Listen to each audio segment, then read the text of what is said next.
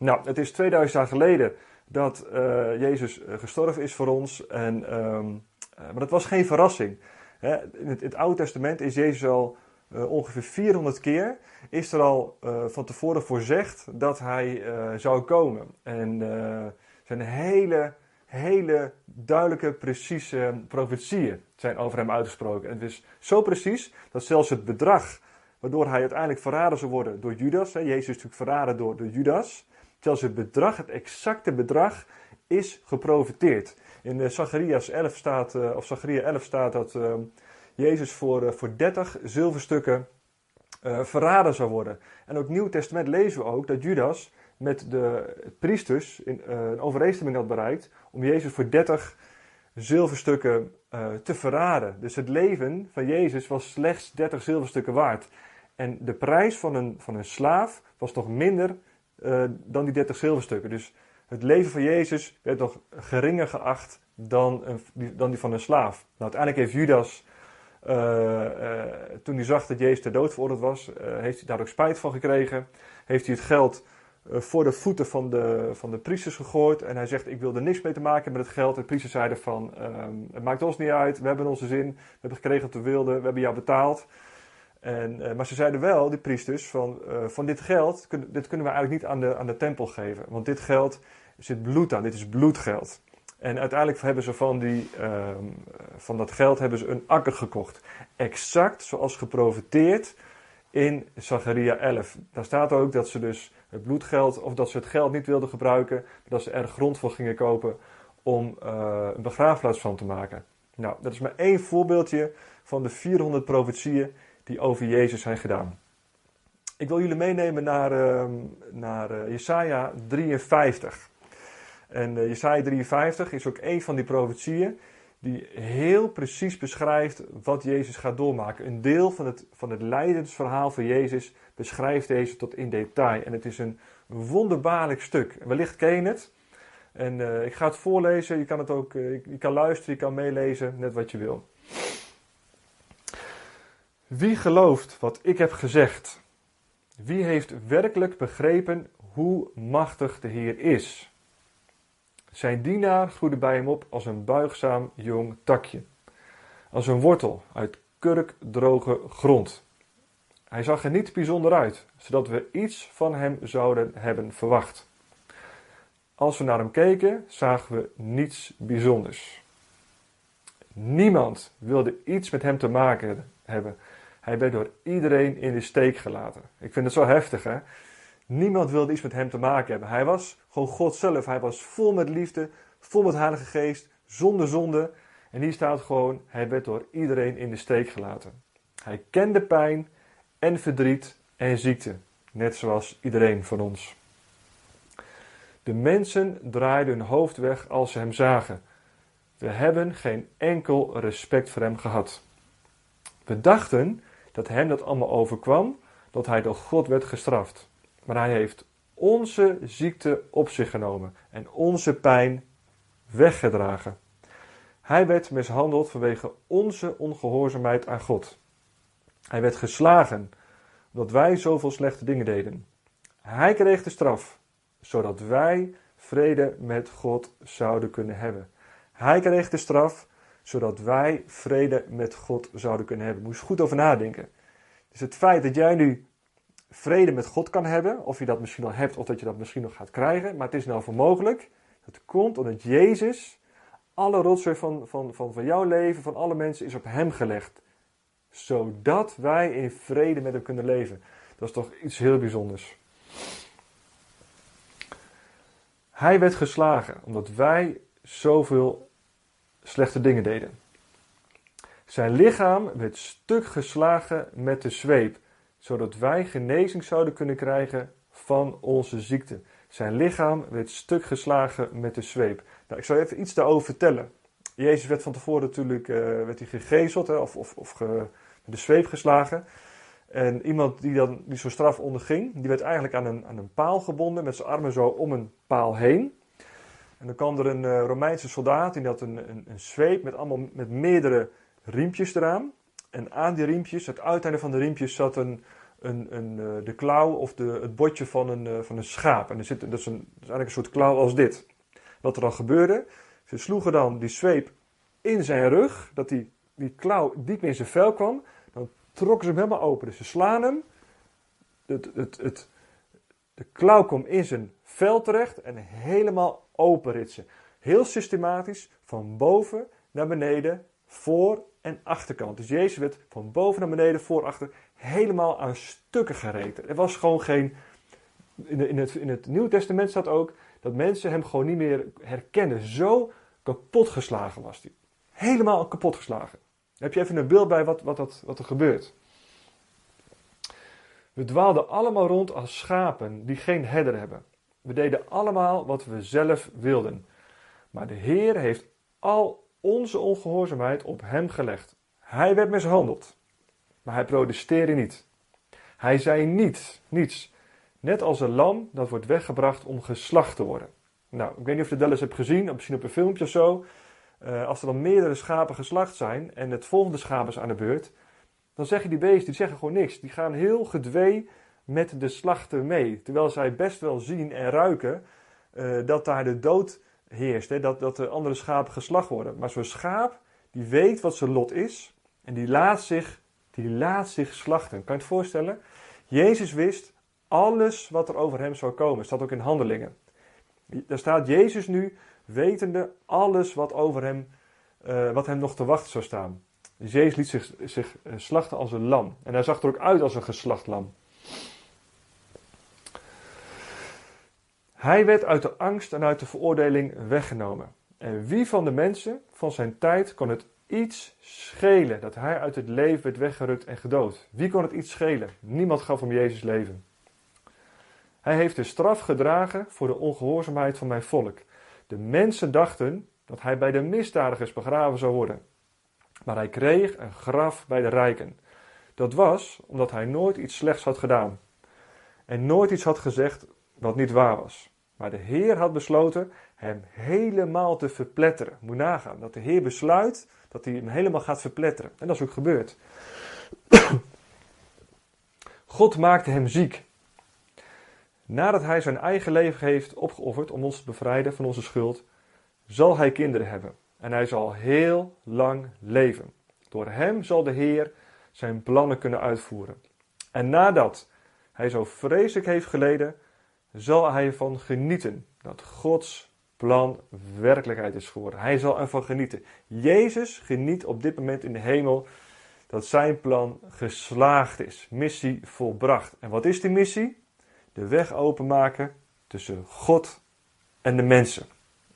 Hij heeft de straf voor jou en mij gedragen. De weg is open. We kunnen vrede in ons hart hebben. Onze zonden, onze lasten waar je misschien nog onder gebukt gaat, zijn gewoon volledig weg.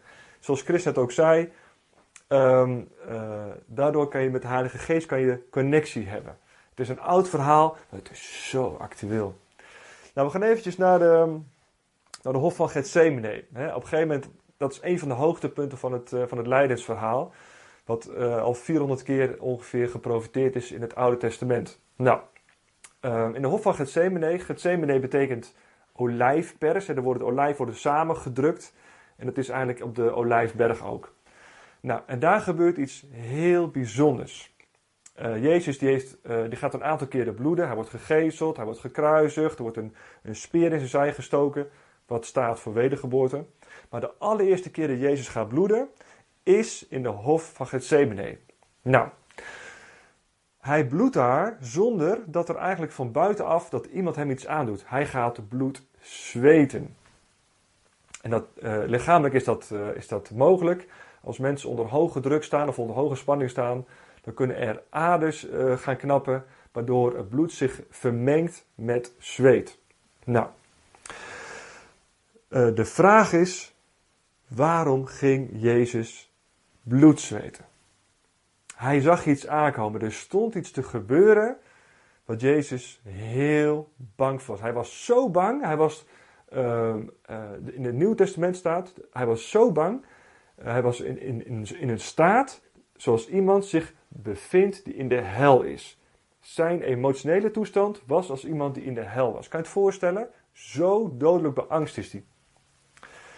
Hij gaat drie keer, gaat hij, uh, in de hof van Gethsemane, gaat hij God vragen, Vader de hemel, als het kan, laat deze beker aan mij voorbij gaan. Vraagt hij drie keer. Op een gegeven moment zijn de discipelen vallen in slaap. Hij is helemaal alleen. Hij vraagt drie keer aan God, laat deze beker, als het kan, aan mij voorbij gaan. Wat zit er in die beker? We weten nu dat Jezus uh, gekruisigd is. Nou, uh, gekruisigd worden is geen grapje. Die spijkers gaan dwars door je handen, gaan door je voeten. Hij gaat uh, gegezeld worden, wat we net ook gehoord hebben. Hij wordt verschrikkelijk gemarteld, hij wordt bespot, hij wordt alleen gelaten. Is dat waar Jezus bang voor is? Is dat hetgeen waar hij zo bang voor is dat hij zegt: Vader, als het kan, laat het aan mij voorbij gaan? Naar u wil geschieden, niet mij wil. Nee, natuurlijk is Jezus bang voor het lijden. Natuurlijk ziet hij op tegen wat hem staat te wachten.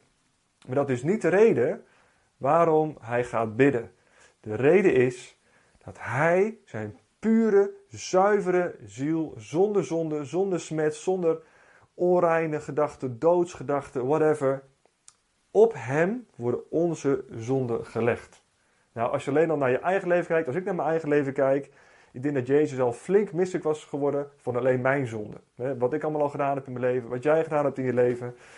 Maar de, de, de zonde van de hele mensheid wordt op hem gelegd.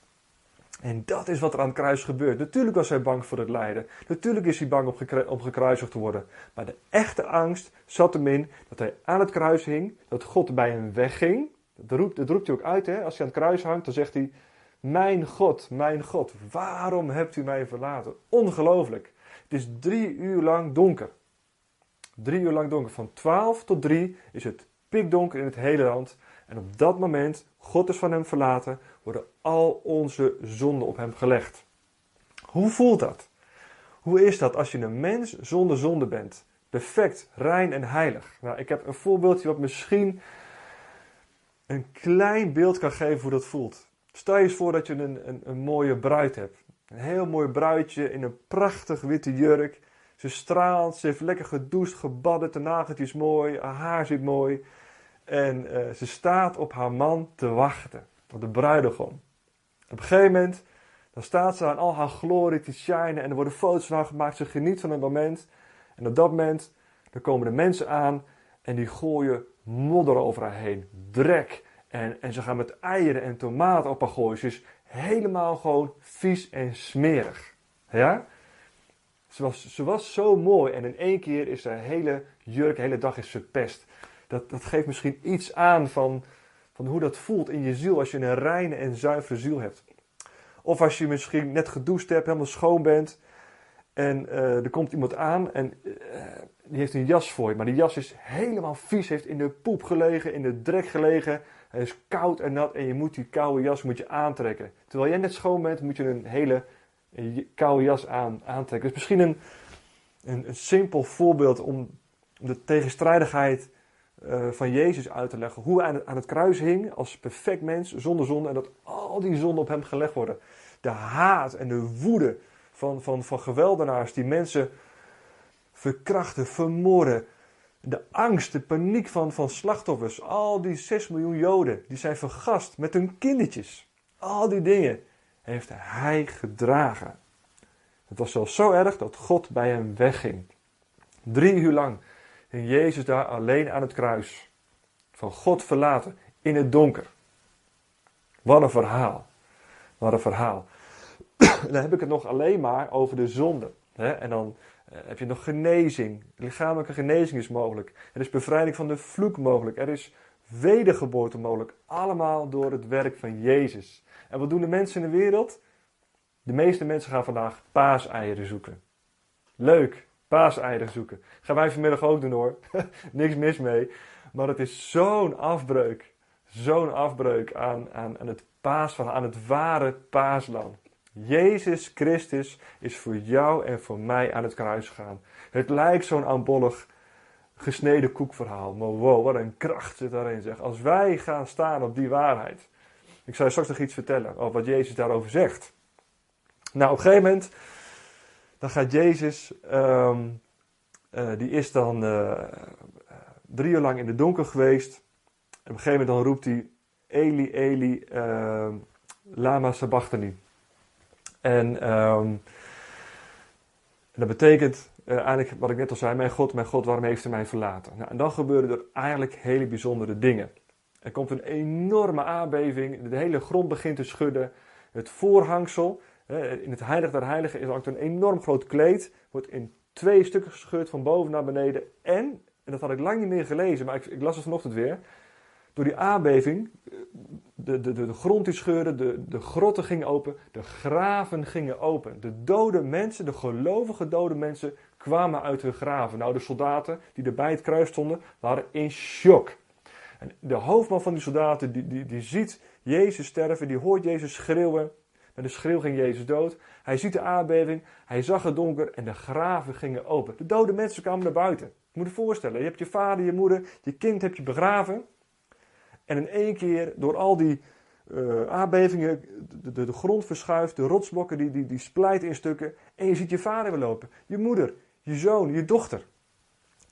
De, gelovige mensen kwamen uit hun graven. Ongelooflijk, wat een verhaal. En uh, er staat ook, als je het goed leest, dan staat er ook dat. Um, uh, ik denk dat, dat ze naar een eigen huis gingen, hun familie ontmoeten. Maar op de dag dat Jezus opstaat, vandaag met Pasen, gingen die mensen, al die mensen staat er, gingen naar Jeruzalem.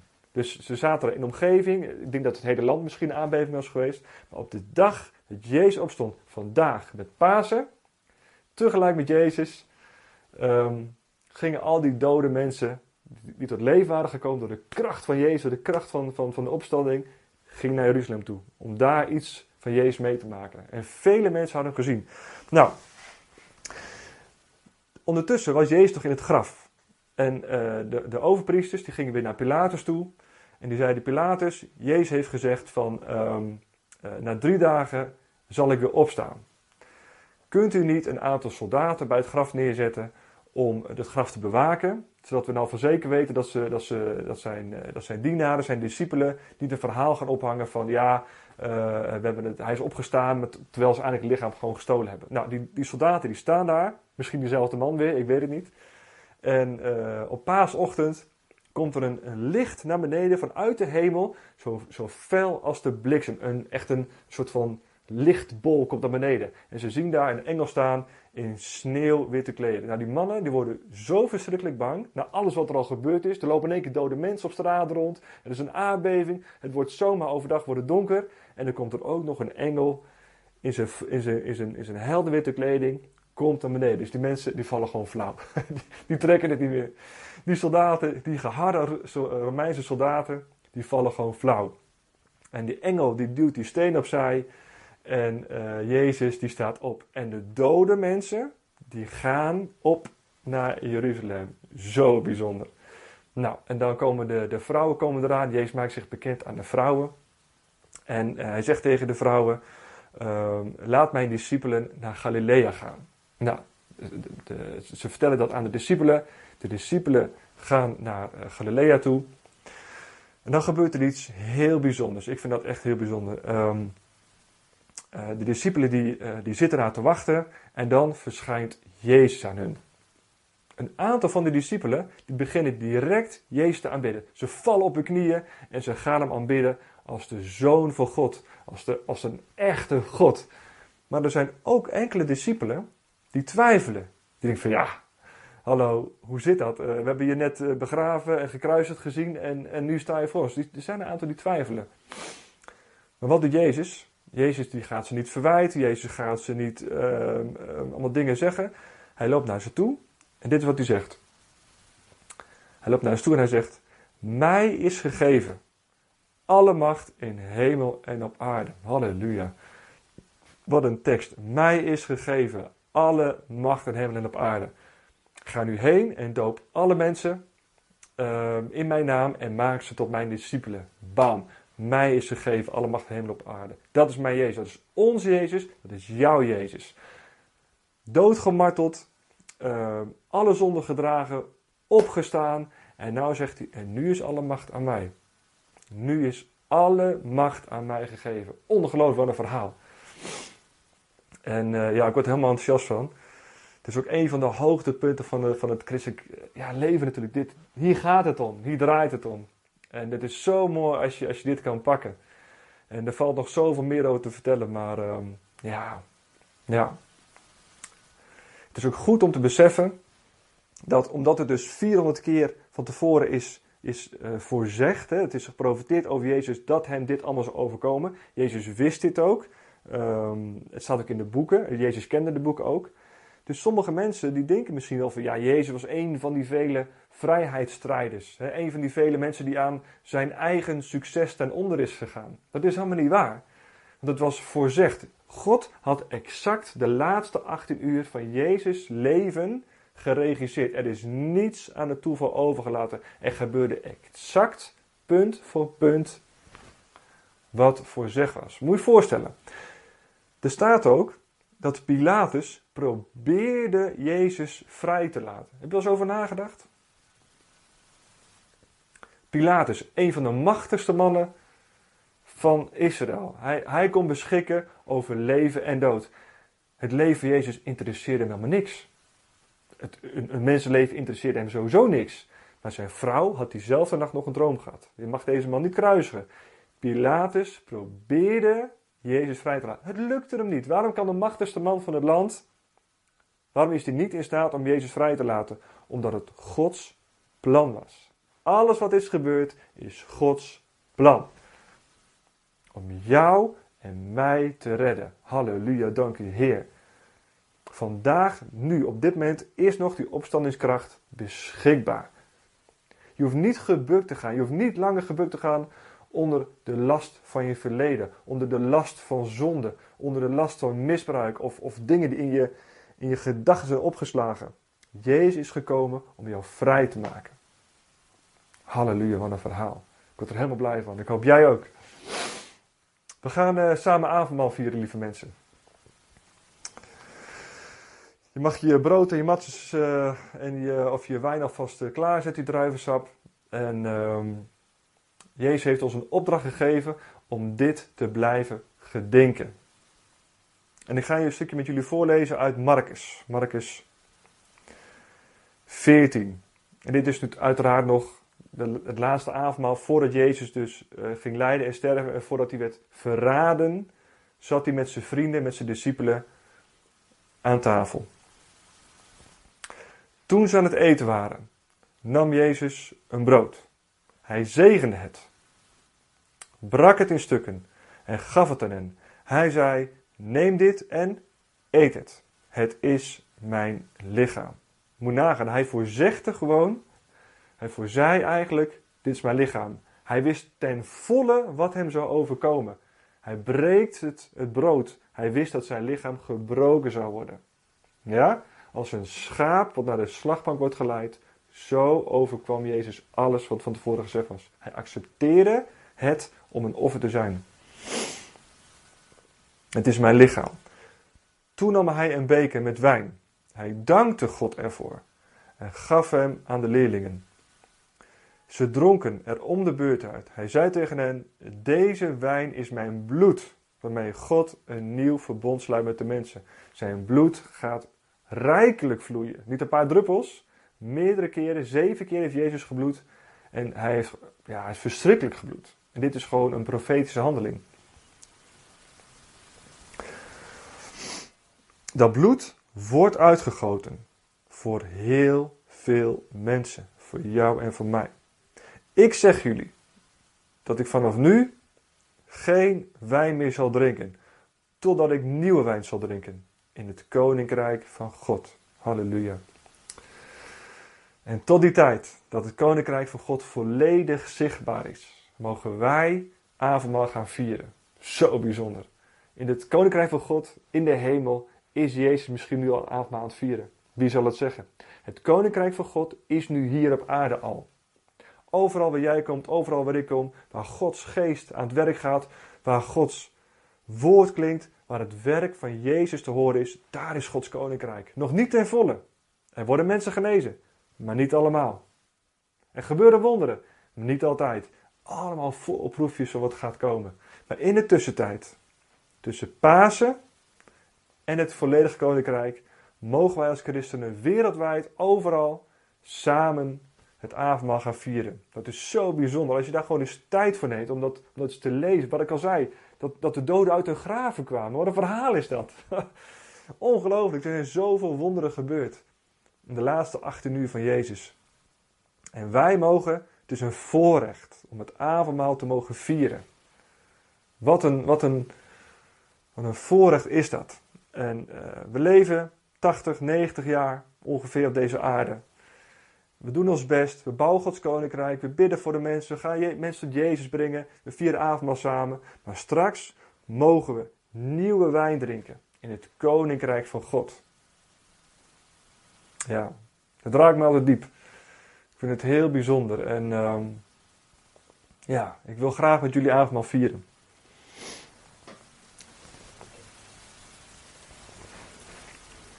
Is het, het brood in mijn geval matsen, misschien heb brood, maakt niet uit. Het gaat erom dat dit stukje symbool staat voor het verbreken van het lichaam van Jezus. Wat ik al zei, uh, hij is vastgespijkerd. Hij is helemaal stuk geslagen. Voor genezing voor ons. En ik, ik, ga het, dit stukje ook gewoon in stukjes breken. En dat maakt ook niet uit, ik ga het gewoon doen. Allemaal kleine stukjes. Zo is eigenlijk het lichaam voor God, zoals je dat ziet, is helemaal in stukjes gebroken. Helemaal in stukjes. Helemaal verbroken voor jou en mij, zodat er ook genezing mag plaatsvinden. Dat is goed om dat eens, om dat gewoon te zien. Als een symbool. Wat er allemaal gebeurd is. Ik hou één stukje over, het laatste stukje. We zullen samen het symbool van het lichaam van Jezus samen nemen.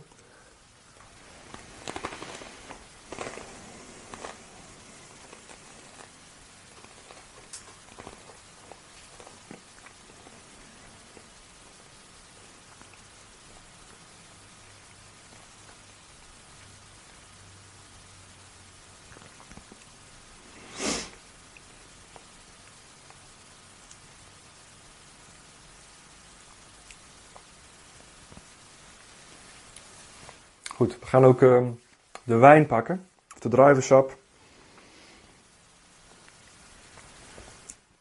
Mooi vol glas, mooi rood. En het staat uh, symbool van het bloed van Jezus. Jezus heeft zeven keer gebloed. De eerste keer wat ik net al vertelde in de hof van Gethsemane, waar hij dus bloed gezweet heeft. Zo'n angst had hij voor die zonde te dragen. En dit, deze beker symboliseert eigenlijk hoe kapot geslagen het, het lichaam van Jezus was. Voor jou en voor mij. En Jezus vraagt ons gewoon: blijf dit doen tot mijn gedachtenis. Tot een, tot een monument voor wat ik gedaan heb voor jou en voor mij. En uh, ja, het is, het is een, ik vind het een voorrecht om dit nu te doen, samen met jullie. En uh, ik hoop dat, uh, dat deze daad ook zal bijdragen aan een diepe besef wat Jezus van ons gedaan heeft. Dus we samen het symbool van het bloed van Jezus nemen.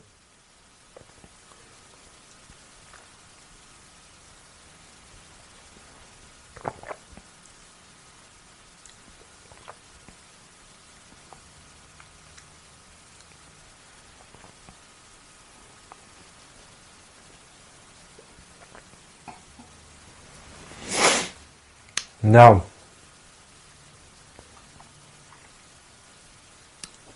We hebben net de Marcus gelezen. En in, uh, in andere vertalingen. Er staat ook dat Jezus er vurig naar verlangde om dit met zijn vrienden te, te, te, te vieren. En uh, ik verlang er ook vurig naar. Ik, ik, voel me wel verbonden met iedereen die nu zit te kijken. Er is een stukje verbondenheid nu tussen mij en jullie, tussen elkaar, nu we dit samen zo vieren. Maar uh, wat een feest als we straks weer in een echt gebouw samen dit mogen gaan vieren. Gaan we ook echt een feest van maken. Maar wat een groot feest als straks ons leven erop zit. Hoe lang het zal duren, niemand weet het. Tot ons leven erop zit, mogen we dit feest gaan vieren. En eh, straks mogen we in de eeuwigheid, voor altijd, met Jezus zelf, Jezus de Zoon van God, aan wie gezegd heeft, mij is gegeven alle macht hemel op aarde. Dat we straks met Hem dit feest mogen vieren. Ik heb ongeveer nog 40, 50 jaar normaal gesproken statistisch gezien om te leven. Ik ga ervoor. We gaan de mensen tot de Heer brengen. We gaan, het, evangelie gaan we uitdelen. We gaan voor de zieken bidden. We gaan mensen bevrijden. We willen mensen door Jezus kracht gaan genezen. Tot die tijd blijven we regelmatig in levenood voor elke maand avondmaal vieren. Wat een machtige tekenen zijn dat. Heerlijk, ik word helemaal blij van. Goed, we gaan. ehm, we gaan ehm, naar de laatste PowerPoint toe. En daarna ga ik met jullie afsluiten.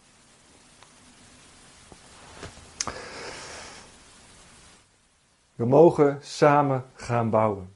Ons jaarthema is samen bouwen.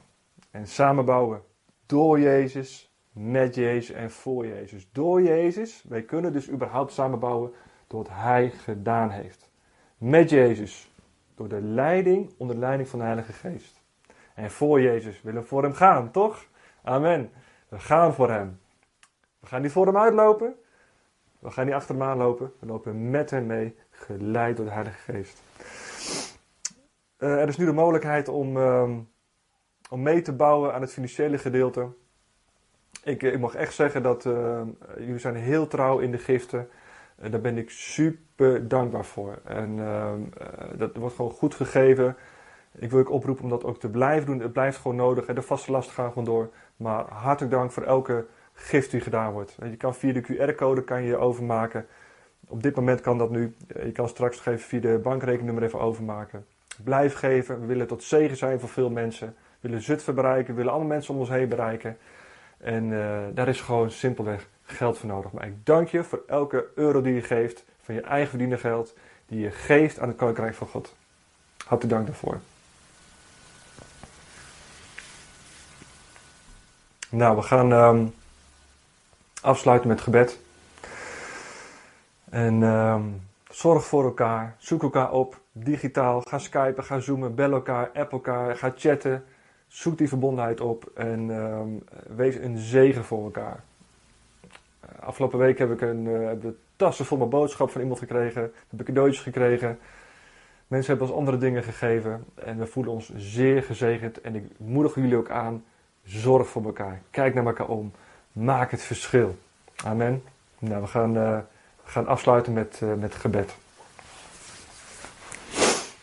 Lieve Vader, lieve Jezus, lieve Heilige Geest, ik dank u zo voor al wat u ons geeft. Het is meer dan bijzonder. Het is, we hebben slechts een klein besef, slechts een klein besef van, van wat u heeft gedaan, Heer. En dat kleine stukje wat we begrijpen, Heer, daar willen we u voor danken. We willen u danken, Jezus, voor wat u heeft gedaan. Het zit er gelukkig op. U heeft het bereikt. Het doel is gehaald. U zit lekker in de hemel. En we danken u ervoor dat u ons leidt met de Heilige Geest. Ik zegen ieder die zit te kijken of die later nog gaat kijken. In de naam van Jezus. En uh, laten we echt versterkt worden door uw liefde, door uw wezigheid. Ik zegen ieder met de nabijheid van de Heilige Geest. En de liefde en de kracht van Jezus. Amen.